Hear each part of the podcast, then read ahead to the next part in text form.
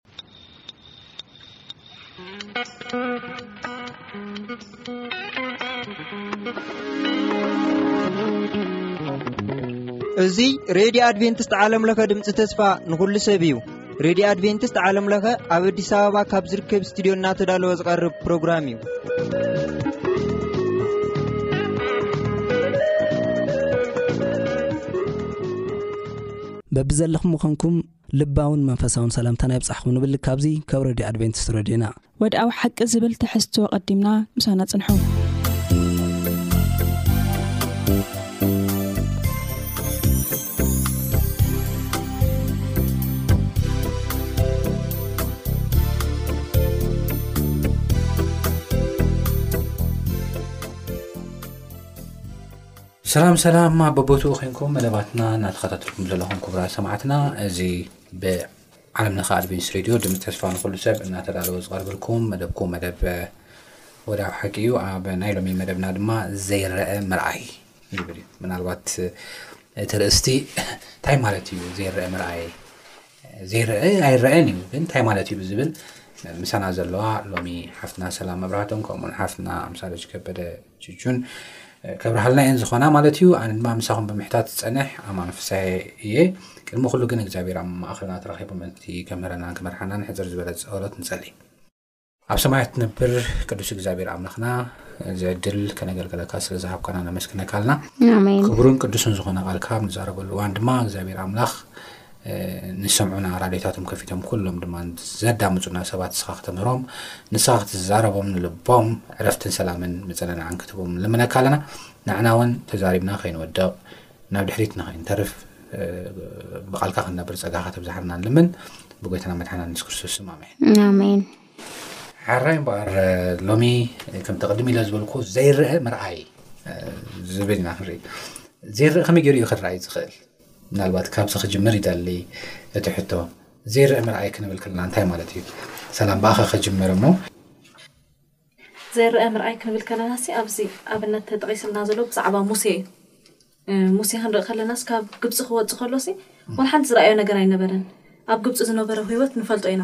ክሳብ ወዲ ፈርኦን ዝበሃል ማለት በታ ጓሉ ምክንያት ናብቲ ንጉስ ስለ ዝኣተወ ኩሉ ነገር ተመቺኡሉ ከም ዝነበረ ኩሉ ነገር ትምህርቲ ይኹን መግቢ ይኹን ድሌቱ ዝቐርበሉ ዝነበረ እዋን እዩ ነይሩ። ግን ሙሴ ነዚ ነገር እዚ ከም ረብሓ ወይ ድማ ከም ጽቡቕ ነገር ኣይቆጸሮን፣ ምስቲ ናይ ኣምላኽ ነገር ከወዳድሮ ከሎ ማለት እዩ። ስለዚ እንታይ ገይሩ? ካብቲ ቤት ፈርኦን ብእምነት ክወጽእ ከሎ ኢና ንርኢ ማለት እዩ። ብእምነት ንደቂ እስራኤል ከም ዘውጽኦም፣ ካብቲ ባርነት እቲ ከም ዘውጽኦም ኣሚኑ ክወጽእ ከሎ ኢና ንርኢ ማለት እዩ። ስለዚ ናይ ሙሴ ኣብነት ንዓና እንታይ እዩ? እቲ ዘይረኣ ነገር ከም ዝርኣዮ ይነግረና ኣሎ ማለት እዩ። እቲ ዘይረኣ ነገር፣ እቲ ሰማያዊ ነገር፣ ነቲ ናይ ኣምላኽ ነገርስ ኣብሊጹ ካብቲ ምድራዊ ነገር ክርእዮ ከሎ ኢና ንርኢ ማለት እዩ። ስለዚ እምነት ከኣ ከምኡ እዩ። እምነትሲ ነቲ ዘይረኣ ነገር እንታይ ምግባር ይብለና ኣብ ዕብራውያን ዓሰርተ ሓደ ሓደ እንተርኢናስ እንታይ ይብለና እምነት ግና ነቲ ተስፋ ዝግበሮ ነገር ርግጽ ምግባር ናይቲ ዘይረኣ ነገር ከዓ ምርዳእ እዩ ይብለና ስለዚ እምነትሲ ነቲ ተስፋ ዝግበሮ ነገር ብርግጽ ኢልካ ክትኣምን ከለኻ ማለት እዩ ስለዚ እምነት ኣብ ክርስትና እቲ ቀንዲ ወይ ከኣኒ ኣዝዩ ኣገዳሲ ነገር እዩ ማለት እዩ። ዋላ እውን ናይቶም ዓበይቲ ኣቦታት ክዛረብ ከሎ ኣብቲ እብራውያን ቀጺልና ክንሪኦ ከለና እንታይ እዩ ድብለና ነቶም ኩሎም ስ ብምንታይ እዩ ተመስኪሩሎም ብእምነቶም እዩ ተመስኪሩሎም በዓል ኣብርሃ እንተሪኢኻ ኣብርሃም ንወዱ ይሳቅ ክስውእ ከሎ ብእምነት እዩ ምክንያቱ እግዚኣብሔር ከም ዝሃቦ ፈልጥ እዩ እግዚኣብሔር እውን ነቲ ዝገብሮ ዘሎ ነገር ከም ዝፈልጦ ስለ ዝፈልጥ ብእምነት ነቲ ነገር እቲ ክገብሮ ከሎ ንርኢ ማለት እዩ። ስለዚ ኩሎም ኣብቲ መጽሓፍ ዕብራውያን ዓሰርተ ሓደ ተዘርዚሮም ዘለዉ ኣቦታት እንተርኢኻዮም ኩሎም ብእምነት ክገብርዎ ከሎ ኢና ንርኢ ማለት እዩ። ዝረኣይዎ ነገር ኣይነበረን ግን ኣብ ኣምላኽ እምነት ስለ ዘለዎም በቃ እግዚኣብሄርሲ ነቲ ነገር እቲ ክገብሮ ይኽእል እዩ ክሰርሖ ይኽእል እዩ ኢሎም ብእምነት ክጓዓዙ ከለዉ ንርኢ ማለት እዩ። ስለዚ ዘይረኣ ምርኣይ ማለት ክንርኢ ንኽእል እቲ ዘይረኣ ክንሪኦ ንኽእል ብእምነት እዩ ብእምነት እዩ እቲ ዘይረኣ ከዓ ክንሪኦ ዝግበኣና ከዓ ንሂወትና ጠቃሚ ዝኾነ መንፈሳዊ ነገር ስለ ዝኾነ እዩ ክርስቶስ ስለ ዝኾነ እዩ መሰረታዊ ነገሩ እምነት እዩ ማለት እዩ እምነት እዩ ኦ፣ ብእምነት እዩ ሓደ ሰብ ዘይረኣ ክርኢ ዝኽእል ብእምነት እዩ እቲ ዘይረኣኸ ንምርኣይ ዘድልየሉ ንመን እዩ ክርኢ ከዓ እግዚኣብሔርን መንግስቱን ክርስቶስን ናብቲ ዝቕፅል ሕቶ እምበኣር ክኣቱ እሞ ሓደሓደ ግዜ ፈተናታት ክበዝሑና ከለዎ ኢንፋክት ናይ ሎሚ ሰንበት ትምህርትና ወይ ድማ ናይ ሎሚ ምይጥና ዝኸውን ኣብ ክፉእ ግዜ ከመይ ጌርና ኢና ፀኒዕና ዶ ክንብል ንኽእል ብዝብል ናብ ሓፈሻዊ ዝኾነ ሓሳብ ንርኢ እሞ ክፉእ ግዜያት ሓደሓደ ግዜ እግዚኣብሔር ፍቕሪ እዩ ዝብል እግዚኣብሔር ርህሩ እዩ ዝብል ሓደሓደ ነገራት ኢኖ ናይ እግዚኣብሔር ርህራሄ ፍቕሪ ለውሃት ክንጠራጠር ዝገብሩና ብዙሕ ነገራት ኣለ ወይ ድማ ንክንኣምን ፍቅሪ ተኮይኑ እንታይ ደኣ ሞ ናባይ ደይመፅእ ንክንብል ዝገብሩና ነገራት ኣለዎ ሞ እንታይ እዮም እቶም ክንጠራጠር ዝገብሩና ኣብዚ ጥርጣረ እዚ ከ ሓይሊ ሂቦም ናይ እግዚኣብሄር ፍቅሪ ክንርየሉ ወይ ድማ ናይ እግዚኣብሄር ሕያውነት ክንርየሉ ንኽእል መንገዲ እንታይ እዩ ዝብል ብዛዕባ እምነት እና ንዛረብ ጸንሕና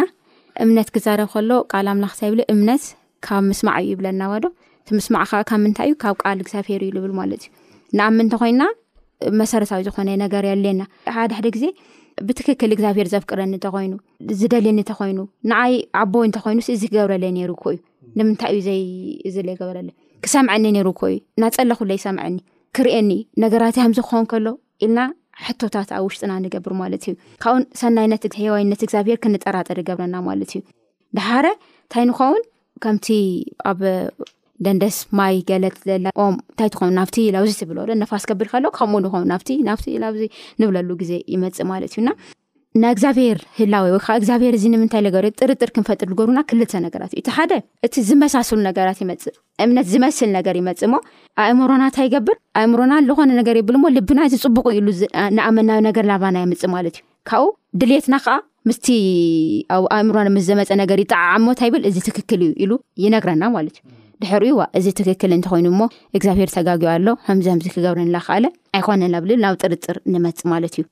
እቲ ካልኣይ ከዓ ናይ በዓልና ህይወት ተመክሮ እቲ ንሪኦ ነገር እቲ ናይ በዓልና ህይወት እኒኦዎ ዶ ሪያሊቲ ማለት እዩ እቲ ዋና እቲ ሓቀኛ ዝኾነ መንነት እኒኦ ካብኡ ከዓ ብደገ ከዓ ንሪኦ ነገር እንታይ ይኸውን ይጋራጮ ማለት እዩ ካብኡ እንታይ ይኸውን ማለት እዩ ናይ እግዚኣብሄር ሕዚ ሕያውነት እግዚኣብሄር ንጠራጠር ማለት እዩና እዚ ክልተ ጥርጥር ግን እንታይናእንታይናዩ ዝፍትነና ማለት እዩ እምነትና እዩ ዝፍትነና እዚ ጥርጥር ክንኣቲ ከለና ብክልቲኡ መንገዲ ዋላ ተተጠራጢና እንታይ ይኸውን እምነትና ኢና ንፍትን እምነትና ክፍተን ከሎ ግን እግዚኣብሄር ንኣና ዘለዎ ሰናይነት ፅብቕና ወይ ከዓ እግዚኣብሄር ንኣና ዘለዎ ሓሳብ ንርደአሉ ኣበይ እዩ ኣብ ቃሉ እዩ ዋዶ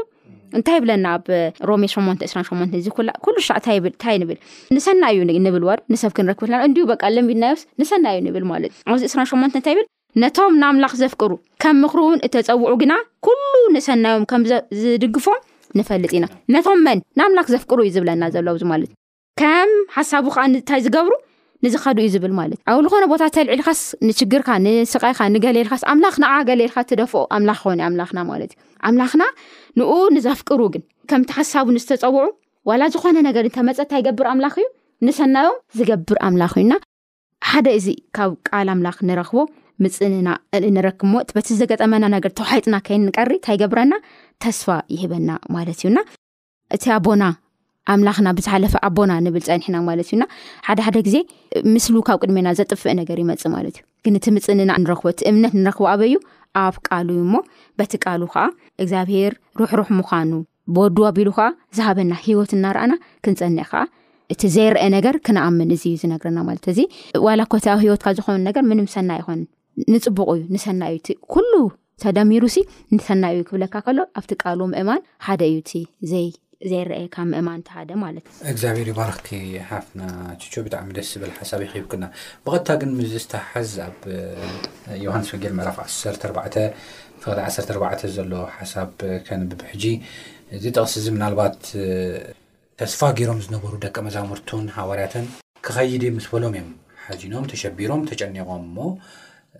ልብኹም ኣይሸበር ኢሉ መሰ ጸናንዖም ድሕሪ ሓንቲ ቃል ተዛሪቦም ነይሩ ኣብ ዮሃንስ ወንጌል ምዕራፍ 14 14 ብስመይ ገለ እንተለመንኩ ክብረልኩም እየ ይብሎም እዩ እንታይ እዩ ዝብሎም ዘሎ እዚ እዚ ሓሳብ እዚኣ እንታይ እያ ብኸመይ ኢና ንርዳኣ ብሽመይ ተለመንኩም ክብረልኩም እየ ኢልዎም እዩ እሞ እንዲም ሓደ ሓደ ግዜ ብሽሙ ፀሊና ደንጉዩ መሲሉ ዝረኣየና ከም ሰባት ብናትና ራእያ ደንጉዩ መሲሉ ዝረኣየና ወይ ድማ ዝጠፍአ ኮይኑ ዝረኣየና ነገራት ኣሎ ከመይ እያ እዛ ቃል እዚኣ ብኸመይ ኢና ንርዳኣ ከምዛ ኣንተ ድበልካ ሕጂ እዚኣ ቃል እዚኣ ዝበሎም መዓስ እዩ ክርስቶስ ክኸይድ ምስ ቀረበ ማለት እዩ ናብ መስቀል ናይ መስቀል ሞቱ ከም ዝቐረበ ኢና ንርኢ ድሓር ልብኹም ኣይሸበር ብኣምላኽ እመኑ ብኣይ ውን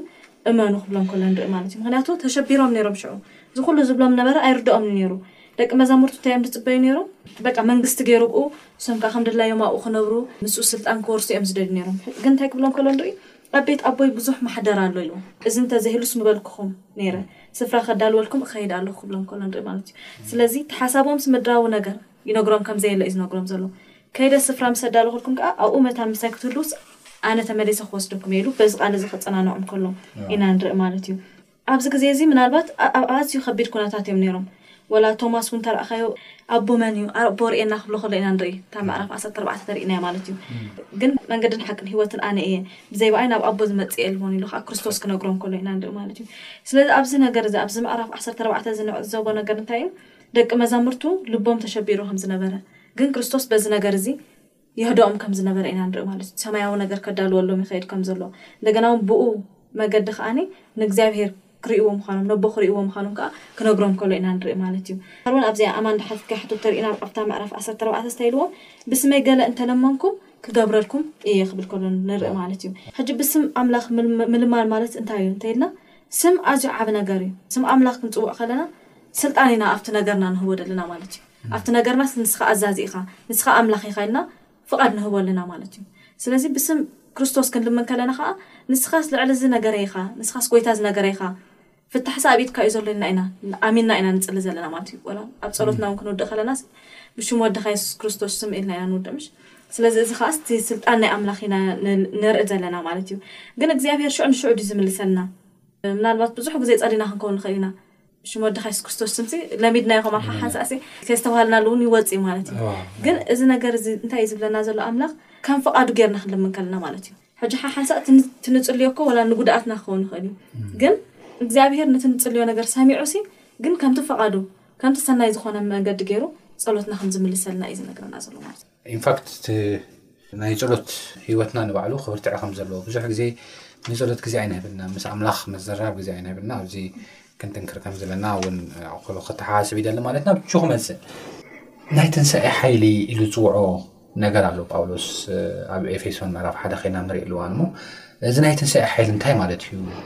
ብፍላይ ንዓና ፈተናታት ንዝሓልፉ ዘለዉ ኣሕዋትናን ኣሓትናን ንኹላትና ዝህበና ተስፋ ኣሎ ዶ ዝብል እስከ ሃፍትናቹ። ኣብ ሓይሊ ትንሳኤ ይብል እሞ ዓሰርተ ሸሞንተ ምዕራፍ ኣደ ኤፌሶን ዓሰርተ ሸሞንተ ጀሚርና እሞ ኣዒንቲ ልብኹም በሪሁ ተስፋ ጽዋኡ እንታይ ምዃኑ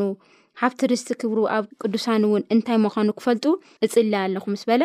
ኣምላኽ ንክርስቶስ ካብ ምውታት ኣተንስኡ ኣብ የማን ኣብ ሰማያት ምስ ኣቕመጦ ኣብታ እትመጽእ እውን እምበር ኣብዛ ዓለም እዚኣ ጥራይ ዘይኮነ ኣብ ልዕሊ ኩሉ ሽመትን ስልጣንን ሓይልን ጎይትነትን ዝስመ ዘበለ ስምን ምስ ኣርኣሶ ነቲ ሕልፊ ዘለዎ ዓቢ ሓይሊ ኣባና እንኣምን ዘሎና ከም ስልጣን ሓይሉ ኣብ ክርስቶስ ዝገበሮ ግብሪ ንስኻትኩም እንታይ ምዃንኩም ክትፈልጥዎ እጽልየልኩም ኣለኹ ይብል ማለት እዩ ሕዚ ኣብዚ ቦታ እዚ ክንርኢ ከለና ማለት እዩ እቲ ትንሳኤ እንታይ እዩ ዘመላኽተና ክንብል ከለና እቲ ትንሳኤ ኣሓና ምንም ዓይነት ሓይሊ ዘይብልና ዓቕሚ ዘይብልና ድኹማት ምዃንና እዩ ዝነግረና ማለት እዩና ክርስቶስ ሂወቱ ሞቱ ትንሳዩ ክንሓስብ ከለና ግን ሓደ ነገር ኣብ ኣይምሮና ይመፅእ እዚ ከዓ እንታይ እዩ ብምሉእ ልብና ናብ እግዚኣብሄር ክንቀርብ ይገብረና ናብ እግዚኣብሄር ክንኸይድ ንገብር ማለት እዩ ካብኡ ንላዕሊ ግን ትንሳኤ ሕዚ እውን ፍሉይ ዝኮነ ነገር ከም ዘለዎ ኣብዚ ቦታ ይነግረና ዝተፈለየ ምርዳእ ክንገብር ማለት እዩ ክርስቶስ ካብ ሞት ከም ተንስኡ ከም ዝኸደ ኣሕና እውን እንታይ ከም ንኸውን ከም ንትንስእ ሓደ ይነግረና ማለት እዩ ንኡ ብቻ ኣይኮነን ዝነግረና ካሊእ ከዓ ናይ ክርስቶስ ትንሳኤ ስልጣኑ ሓይሉ ናቱ ከም ዝኾነ እዩ ዘርእየና ወዶ እዚ ስልጣን ሓይሊ ከዓ ኣብ የማን ኣብ ቦታይ ክገብር ገይርዎ ከም ዘቕመጦ ኢና ንርኢ ማለት እዩና እዚ ናይ ትንሳኤ ሓይሊ እዚ ሎሚ እውን እንታይ ዝገብር እዩ ኣባና እውን እግዚኣብሄር ብተመሳሳሊ ዝገብረና ነገር ምዃኑ ክንኣምን ከም ዝግብኣና እዩ ዝነግረና ማለት እዩና ኣብዚ ቦታ እዚ ጳውሎስ ንኤፌሶን ሰባት ክብል ከሎ እንታይ ክብሎም ደልዩ ክልተ ነገራት እዩ ዝነግረኑ እቲ ሓደ ክርስቶስ የሱስ ዝፀወዐና ይብል ክንልወጥ ዘለዓለማዊ ሂወት ንክንረክብ ተስፋ ዘለና ምዃንና ከርእየና እዩ ማለት እዩ ተለወጥቲ ኢና ዘለዓለማዊ ሂወት ናትና እዩ እዚ ተስፋይ እዚ ኣለኩም ይብለና ማለት እቲ ካልኣይ ከዓ እቲ ብኣና ተመሲሉ ማለት ናትና ነገር ኩሉ ወሲዱ ተገሊፁ ዘሎ ናይ እግዚኣብሄር ሓይሊ ከዓ ክነስተዕሎ ማለት ክንርድኦ ይነግረና ማለት እዩና ካብኡ ዝተላዓለ ጳውሎስ እንታይ ይብለና እቲ ሓይሊ እዚ ብክርስቶስ የሱስ ኣቢሉ ካብ መቃብር ንኡ ዘተንስአ ናብ ሂወት ዝመለሶ ጥራይ ተዘይኮነስ እዚ ሓይሊ እዚ ከዓ ኣብ የማን ኣቦኡ ኣብቲ ኣብ ሰማይ ኣብ ዘለዎ ቦታ ዘቕመጦ እውን እዩ ምስ በለ ጳውሎስ ኣብዚ እውን ጠጠዋ የብልን እንታይ ይብል እቲ ትንሳኤ ንክርስቶስ ስቕሉ ዝኾነ ነገር ኣይኮነ እንታይ ኮይኑሉ ይብለና ክገዝእ ነቲ ህዝቢ እንታይ ይገብር ንክገዝእ ዋዶ ናይ ዘለኣለም ዘመናት እቲ ኣድላይ ዘበለ ኩሉ ነቲ ህዝቡ ንከቐርብ እንታይ ተዋሂብዎ ስልጣን ተዋሂብዎ እዩ ይብለና ማለት እዩና ክርስቶስ ኣብ ሂወትና ዘይተንሰአሉ ማለት ዝሞተ ነገር እንተሉ ክርስቶስ እዚ እውን እንታይ ንእዎ ሓይል ኣለዎ ከተንስ ይክእል እዩ እሞ እዚ ምእማን እውን እንታይ እዩ ካብቲ ዘይረአየ ነገር ተስፋ ገርና ካብ ዝሞትናዮ ነገር ክንትንስእ እዚ ዝግፈና እዩ ማለት እዩ ጎታ ይባርኪ ሓፍትና ችቹ ብጣዕሚ ደስ ዝብል ሓሳብ ይክብና ኣብዚ ንሓፍትና ሰላም ክሓታ ዝደሊ ሕቶ ድማ ቀፂለ ኣብ ቀዳማይ ጴጥሮስ ምዕራፍ ሓሙሽተ ፍቕዲ ሸውዓተ ሓፍትና ሰላም ንሱ ይሓይልኩም እሞ ንኩሉ ሓሊፍኩም ኣብኡ ኣውድቕዎ ይብል እሞ ኣብዚ ዘሎ መሰረታዊ መልእኽቲ እንታይ እዩ ዝብል እስከ ንርአይ ኣብዚ ተሪእኻያሲ ብዛዕባ ምጭናቕ እዩ ዝዛረብ ዘሎ ክንጭናቕ ከም ዘይብልና እዩ ዝነግረና ዘሎ ብሓፈሻ ማለት እዩ ንሱሲ ይሓልየልኩም እዩ ማቲ ሓዲርና ማለትሲ ኣብዚ እንግሊሽ ገሪጽዋ ዘሎ ኬር ኢልዎ ኣሎ ንሱሲ በቃ ነቲ ነገርናስ ልዕሌና ኮይኑስ ኬር ስለ ዝገብሮ እንታይ ትግበር ኣይትጨነቑ እዩ ዝብለና ዘሎ ማለት እዩ ሕጂ ምናልባት ኣብ ምድሪ ከለና ብዙሕ ዓይነት ጭንቀት ከጋጥመና ይኽእል እዩ ናይ ስራሕ ይኹን ናይ ናብራ ናይ ዝተፈላለዩ ነገርሲ ኣሎ ከም ሰብሲ ብዙሕ ግዜ ተጨኒቕና ኢና ማለት እዩ ግን ኣብዚ ነገር እዚ ዝነግረና ዘሎ እንታይ እዩ ንኹሉ እቲ ዘጨንቐኩም ነገርሲ ንእግዚኣብሄር ደርብዩሉ እዩ ዝብለና ዘሎ ኣውድቕዎ ክብለና እታ ሓልየትኩምሲ ጭንቀት እያ ትኸውን ዘላ ማለት እዩ እወ እታ ሓልየትኩም ክብል ከሎ ከዓ እቲ ተሓልዩሉ ተሓስቡሉ ነገር ማለት እዩ ዘጨንቐና ነገር ኣእምሮና ዝሓዞ ነገር ማለት እዩ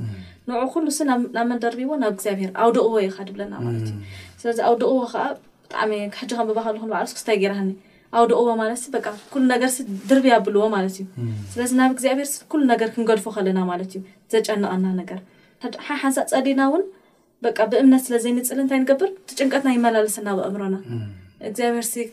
ይፈትሖ ዶ ኸውን ኢልና ንባዕሉ ንእግዚኣብሔርሲ ንጠራጠሮ ማለት እዩ ግን ኣብዚ ነገር እዚ ዝምህረና ዘሎ እንታይ እዩ እግዚኣብሔርሲ ይሓልየልኩም እዩ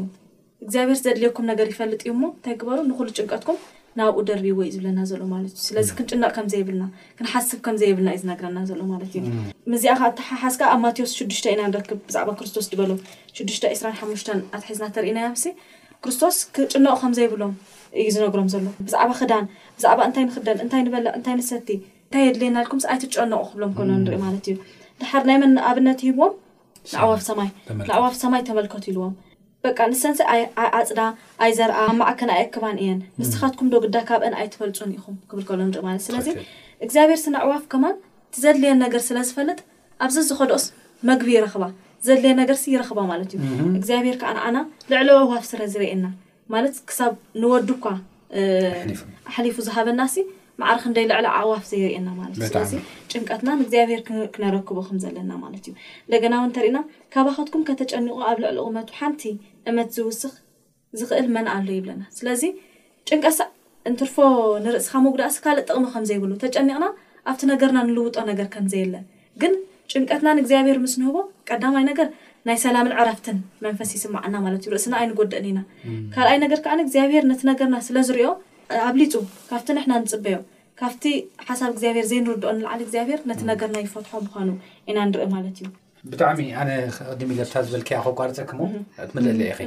ጭንቀትኩም ወይ ድማ ሓልየትኩም ኣብኡ ደርቢዎ እዩ ዝብል እሞ መብዛሕትና ንጭነቕሲ እቶም ሸኽምታትና ናብ ኣምላኽ ስለ ዘይተደርበዩ እዩ ማለት እዩ ሓቂ ከምዚ ዓይነት ኮኖቴሽን እዩ ዝበና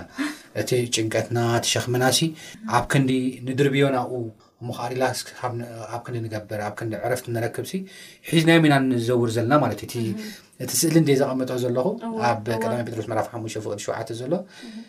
እና ብጣዕሚ ዝገርም እዩ ካልእ ጭንቀት ዝተፈላለዩ ነገር ክፈጥር ክእል ይብል ኣብዚ ሓሳብ እዚ ከድና ክንርኦ ከለና ሞ ምንም ዓይነት ጭንቀት ይኹን ምንም ዓይነት ጭንቀት ግን ኣይንክ ናብ ኣምላኽ ክንድርበየሉ ንኽእል ፕሮባብሊቲ በረ ከም ዝህበና ንሸይ ብልጭ ስለ ዝበለትለይ ብጣዕሚ ፅቡቅ ሓሳብ ስለ ዝረኽብኮ ኣቋሪፀኪ ሺ ካልእ ከ ኣብነት ዝሃቦም ከኣ ብዛዕባ ዕምባባታት መሮር እዩ ማለት እዩ ዕምባባታት መሮር ከኣ ከመይ ኢሎም ከም ዝዓብዩ ተመልከቱ ኣይደኽሙ ኣይፈትሉ ክብሎም ከሎ ንርኢ ማለት ስለዚ ነቲ ሳዕርስ እግዚኣብሔርስ ከመይ ገይሩ ከም ዝስልሞስ ንርኢ ኢና ኣብ ሓንሳብ ኣብ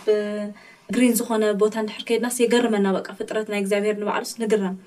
ስለዚ ሰለሙን ንባዕሉስ ከምዚኣቶምስ ኣይተኸድነን። ሰለሙን ንባዕሉ ምስቲ ኹሉ ዕቤቱ፣ ምስቲ ኹሉ ስልጣኑሲ፣ ወላ እቲ ክዳኑ ገይሩ ከሎስ ክንድኦምስ ኣይገረመ። ስለዚ እግዚኣብሄርሲ ነቲ ሎሚ ዘሎ፣ ጽባሕ ግና ናብ እቶን ዝድርበ ሳዕሪ ከምዚ ገይሩ ዝኸድኖ ካብ ኮነ ግዳ፣ ኣቱም ጉዱላት እምነት፣ ንስኻትኩምዶ ግዳ ኣብሊጹ ኣይከድነኩምን? ክብል ከሎ ንርኢ ማለት እዩ። ስለዚ እግዚኣብሄርሲ ንዓናስ ይሓልየልና እዩ። ልዕሊ ዝኾነ ነገር ይሓስበልና ምዃኑ፣ ነገራትናሲ ልዕሊ እግዚኣብሄር ኣይንሓስበሎምን ኢና። ሓንሳብ ከምኡ ኢና ንሓስብ በቃ ነቲ ነገረይስ በቃ ኣነ ጥራሕ እየ ክፈትሖ ዝክእል ኣነ ልዕሊ እግዚኣብሄር ኢልና በቃ ኣብኡ ጥራይ ፎካስ ንገብር ግን ከምኡ ዘይኮነሲ ንእግዚኣብሄር ክንድርብዮ ከም ዘለና እግዚኣብሄር ከኣ ካብቲ ዝሓሰብናዮ ኣብሊጹ ከም ዝገብር ኢና ንምሃር ካብዚ ማለት እዩ ሓራይ ጎይታ ይባርኪ ሓፍትና ሰላም ብጣዕሚ ደስ ዝብል ሓሳብ ይኺብክና ናብቲ ናይ መወዳእታ ሓሳበይ ክኸይድ እሞ ሓፍትና ችቹ እግዚኣብሄር ዋላ ተዘይረኣናዮ ሲ እሙናት ክንከውን ኣለና ዝብል ነገር ኣሎ እና ብዙሓት ሰባት እግዚኣብሔር ኣይርእየናን እዩ እግዚኣብሔር እናተዓዘበና ኣይኮነን ዘሎ ብምባል ዓመት ዝሰርሑ ግፍዒ ዝሰርሑ ሰባት ክህሉ ይኽእሉ እዮም ናብ ካልእ ኢድና መቐሳር እውን የድሊ ንሕና እውን ሓደ ሓደ ግዜ ከምኡ ዝስምዓና ነገር ኣሎ ሰብ ስለ ዘይረኣየናስ ካብ እግዚኣብሔር እውን ተሰወረ መሲልና ሓደ ሓደ ግዜ ክፍኣት ንሰርሓሉ ነገር ክህሉ ይኽእል እዩ እሞ ካብዚ ነገር እዚ ወፂእና እሙናት ክንከውን ንኽእል ብቓል እግዚኣብሔር ክንከይድ ንኽእል ብኸመይ እዩ ወይ ድማ እዚ ሓሳብ እዚ ብፍላይ ኣብ ኢሳያስ ምዕራፍ ኣርባዓ ፍቅሪ ዕስራን ሸውዓተን ክሳብ ሰላሳን ሓደን ዘሎ ሓሳብ እንታይ እዩ ዘምህረና? እቲ ዋና ነገር እንታይ እዩ? ኣብ ህይወትካ ጸገም፣ መከራ፣ ሽግር ክበጽሓካ ከሎ ሓልየልካ ሰብ ትደሊ እንዲኻ ዝድግፈካ በቃ ኣለኹልካ ዝብል ኣብ ቅድሜኻ ደው ዝብል ሰብ ትደሊ ኢኻ ሰብ ዋላ መንፈስካ ከምኡ ይደሊ ማለት እዩ ሰብ ኮይንካ ከለኻ ማለት እዩ ሕዚ እቲ ጥንቃቄ ዝገብረልካ ሰብ ትስእን ከለኻ ዝስምዐካ ስምዒት እኒኦዎዶ? እቲ ልገደደ ስምዒት ግን እንታይ እዩ? እግዚኣብሄር ገዲፉኒ ኢልካ ዝስምዐካ ስምዒት ከዓ እቲ ልገደደ እዩ ማለት እዩ። ሕዚ እዞም እስራኤል ኣብ ባቢሎን ከለው ኣብ ይሁዳ ተማሪኾም ኣብ ከለው ማለት እዩ ኣብ ባቢሎን ተማሪኾም ዘሎ ናይ ይሁዳ ህዝብታት እግዚኣብሄር ብዛዕባኦም ምንም ዓይነት ዘይግደስ መሲሉ ተሰሚዕዎም እንታይ ይብሉ መሲሉ ከስራን ሸውዓተ ከምዚ ኢሎም ስለ ዝሓስቡ እግዚኣብሄር ይሓቶም ኣታ ያዕቆብ ይብል ከመይ ደኣ ከምዚ ትብል ኣታ እስራኤል ሲ ከመይ ኢልካ ኢኻ መንገደይ ካብ እግዚኣብሄር ሕብእቲ ፍርደይ ካብ ኣምላኸይ ሓሊፉ እዩ እሞ ኢልካ ትዛረብ ይብሉ ፍርደይ ካብ ኣምላኸ ሓሊፉ መንገደይ ካብ እግዚኣብሄር ተሃብኡ ዝርእየኒ የለይ ዝሰምዐኒ የለይ ዝድግፈኒ የለይ ኢሎም እንታይ ይገብሩ ነሮም እዞም ሰባት እዚኦም ኣዝዮም ይጭነቁ ከም ዝነበሩ ንርኢ ማለት እዩ ስለዚ ብሓጢኣትና ምክንያት ብበደልና ምክንያት እግዚኣብሔር እንታይ ገሩና ኢሎም ዝሓስቡ ነይሮም ገዲፉና እዩ ደሩና እዩ ኢሎም ይሓስቡ ነይሮም ማለት እዩና ደሓረ እግዚኣብሔር ግን እንታይ ይብሎም ኣብ ምዕራፍ ኣርዓ ካብ ስርቲ ሓደ ክንሪኢ ከለና እንታይ ይብሎም መሲሉካ ከም መጓሰ ገይሩ ይነግሮም ንመጓሲኡ ከም ጓሳ ከወፍር ንዕወያቱ ኣብ ቅልፅሙ ክእክብ ንዕወያቱ ማለት እዛ ናእሽቱ እንታይ ይገብር ኣብ ቅልፅሙ ገይሩ ይእክብ ማለት እዩ ኣብ ሕቅፉ ከዓ ክስከሞም ከምኡ ከዓ ነተን ዘጥበዋ ድማ ብህደኣት ክመርሀን እዩ እዚ ኣብኡ ማእኸል እንታይ ነይሩ ዓቕሚ ዘይብለን ብዙሕ ነገራት ነይሩ ኣብቲ ህዝቢ ማእኸል ማለት እዩ እና እግዚኣብሄር እንታይ ይብል ኣነ ከከም ድልትኩም ኣነ ከከም ሓዘንኩም ኣነ ከከም ሽግርኩምን እቲ ሓሳባትኩምን እቲ መከራኹም እንታይ ኣባኹም መፅኤ ዘለኹ ንእግዚኣብሄር ከም ዘይርእዎ ኢና ንርኢ ማለት እዚ ብጣዕሚ ንሕዝን ነገር እዩ ካብኡ ዝተልዓለ እግዚኣብሄር እንታይ ይብሎም ኣንታ ያቆብ ኣንታ ባርያይ ኣነስ እስራኤል ከመይ ጌርካ ከምዚ ዓይነት ሃሳብ መፅዩካ ክብል ከሎ ነይራ እየ ማለት እዩ መንገደይ ካባካ ርሒቁ ፍርደይ ተቢሉ ኢልካ ትብል ዘለካ ንምንታይ እዩ ኢሉ ክዛረብ ከሎ ንርኢ ማለት እዩና ግን እግዚኣብሄር እንተዘይተረየ ዋላ እዚ ኣይተሪኦም እኮ ግን ምስኦም እዩ እኒኣው እኮ እንታይ ድብሎም ይምሎምኑ በቃ ኣነ ከከም ድሌትኩም ኣገልግለኩም ኣለኩ ግን ሕዚ እውን እንታይ ካ ትብል ዘለካ ፍርደይ ፀሚሙ ነገራት ተበላሹ ኢልካ ትብል ኢካ ዘለካ ግን ኣነ ምሳካየ ዘለኹ ይብል እግዚኣብሄርና እዚ ዓብይ ነገር እዩ ማለት እዩ ሕዚ እዞም ሰባ እዚኦም ብሓጢኣቶ ምክንያት ዋላ ተገዚኦም ካይዶም ባቢሎን ዋሉ እግዚኣብሄር ግን ኣይ ክዱ በዓልኩም ትፈልጡ ኣይበሎምን ምሰኦም ኣብቲ መከሮም ኣብቲ ሰቃዮም ሓቢሩ እንታይ ይገብሩ ነይሩ ይሓልፍ ነይሩ ከከም ድሌቶም እንታይ ይገብር ነይሩ ከፀናንዖም ክድግፎም ይኸይድ ነይሩ ማለት እዩ ሓደ ኣብነት ንወስድ ኣብ መፅሓፍ ቅዱስና መፅሓፍ ኣስቴር ክንርኢ ከለና መፅሓፍ ኣስቴር እግዚኣብሔር ዝብል ሽም የብሉን ዳሓደ ግን መፅሓፍ ኣስቴር ክንርኢ ከለና ካብ መጀመርያ ጀሚሩ ኣብ እስራኤል ተወጠነ ውጥን ከጥፍዎም ዝበሉ ነገር ኣብ መወዳእታ እግዚኣብሔር ከመይ ገይሩ ከዓ ሓይሊ ገይሩ ከም ዝስዕር ኢና ንርእይዎ ዶ እግዚኣብሔር ሽሞ የለን ኣብኡ ስሩሑ ግን እንታይ ነይሩ ኣብኡ ነይሩ ማለት እዩና ምናልባት እግዚኣብሔር ዘየለ ዝመስል ነገር ሎሚ ዝኸበደና መንም ረዳኢ ዘይብልና ነገር መንም ደጋፊ ዘይብልና ነገር ተዛሪብና ኢልና ኢልና እግዚኣብሄር ብኣኻ እስኻለ ገዲፍካና ኢኻ ካሊእ ዘውፀአና እውን የለን እንታይ እዩ ተስፋና ኣብ ንብሎ ነገር እግዚኣብሄር እንታይ ዓይነት ኣምላኽ እዩ ማለት እዩ ብድሕሪት እግዚኣብሄር ባይዞ ዋዕዋዕ ላበለ ኣይኮነን ከምቲ ናይ ዝዘመን ኣም ዘለው ኩነታት ማለት እዩና ግን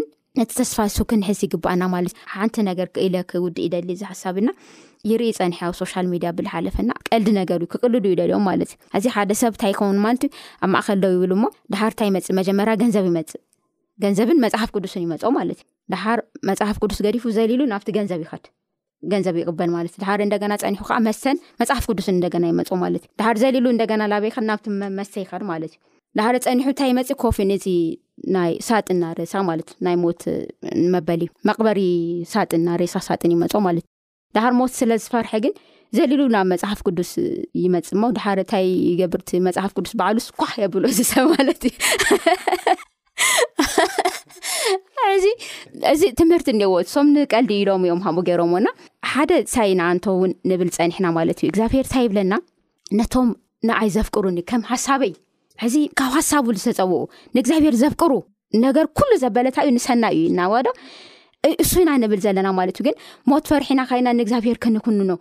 ሞት ፈርሒና ካይና ንእግዚኣብሄር ም እግዚኣብሄር እርግፂ ይቅበለካ እዩ ዋላ ንዓሉ ሓለፍካዩ ሓልፍካ መሓረኒ ክብል ከሎ ዩ መፅእና ኣብ ፀንሓናዩ ፀንሕና ሲ መፅእና ንእግዚኣብሔር ክንኩንና ንርአ ተሓጢኣትና ኣይረአና ትበደልና ኣይንርአናን ትልገበርናዩ ነገር ኣይረአናን እሞ እግዚኣብሔር ግን ከም ዓይነት ኣምላኽ ኣይኮነ ምሕረት ገባር እዩ ሞ በቲ ምሕረቱ ክንእመንን በቲ ፀግኡ በቲ ዘይረአ ቅልፅሙ ናርኣና ብእምነት ክንመላለስ ይብለናናሎሚ ትምህርትና ማለት እዩ ጎይታ ይባርኽኪ ሓፍትና ቹቹ ብጣዕሚ ደስ ዝብል ሓሳብ እዩ ከኒብክናና ደስ ዝብል ፅቡቅ ዝኾነ ምይይጥ እዩ ነይርና ክብሪ ንኣምላኽ ይኹን ኣሜን ክብራ ሰማዕትና ኣብ ዝነበረና መደብ ከም ተባረኽኩም ተስፋ ንገብር ንዘለኩም ሕቶ ወይ ርእቶ ግን በቲ ልሙድ ኣድራሻና ናብ ዓለም ለኸ ኣድቬንስ ሬድዮ ድምፂ ተስፋ ንኹሉ ሰብ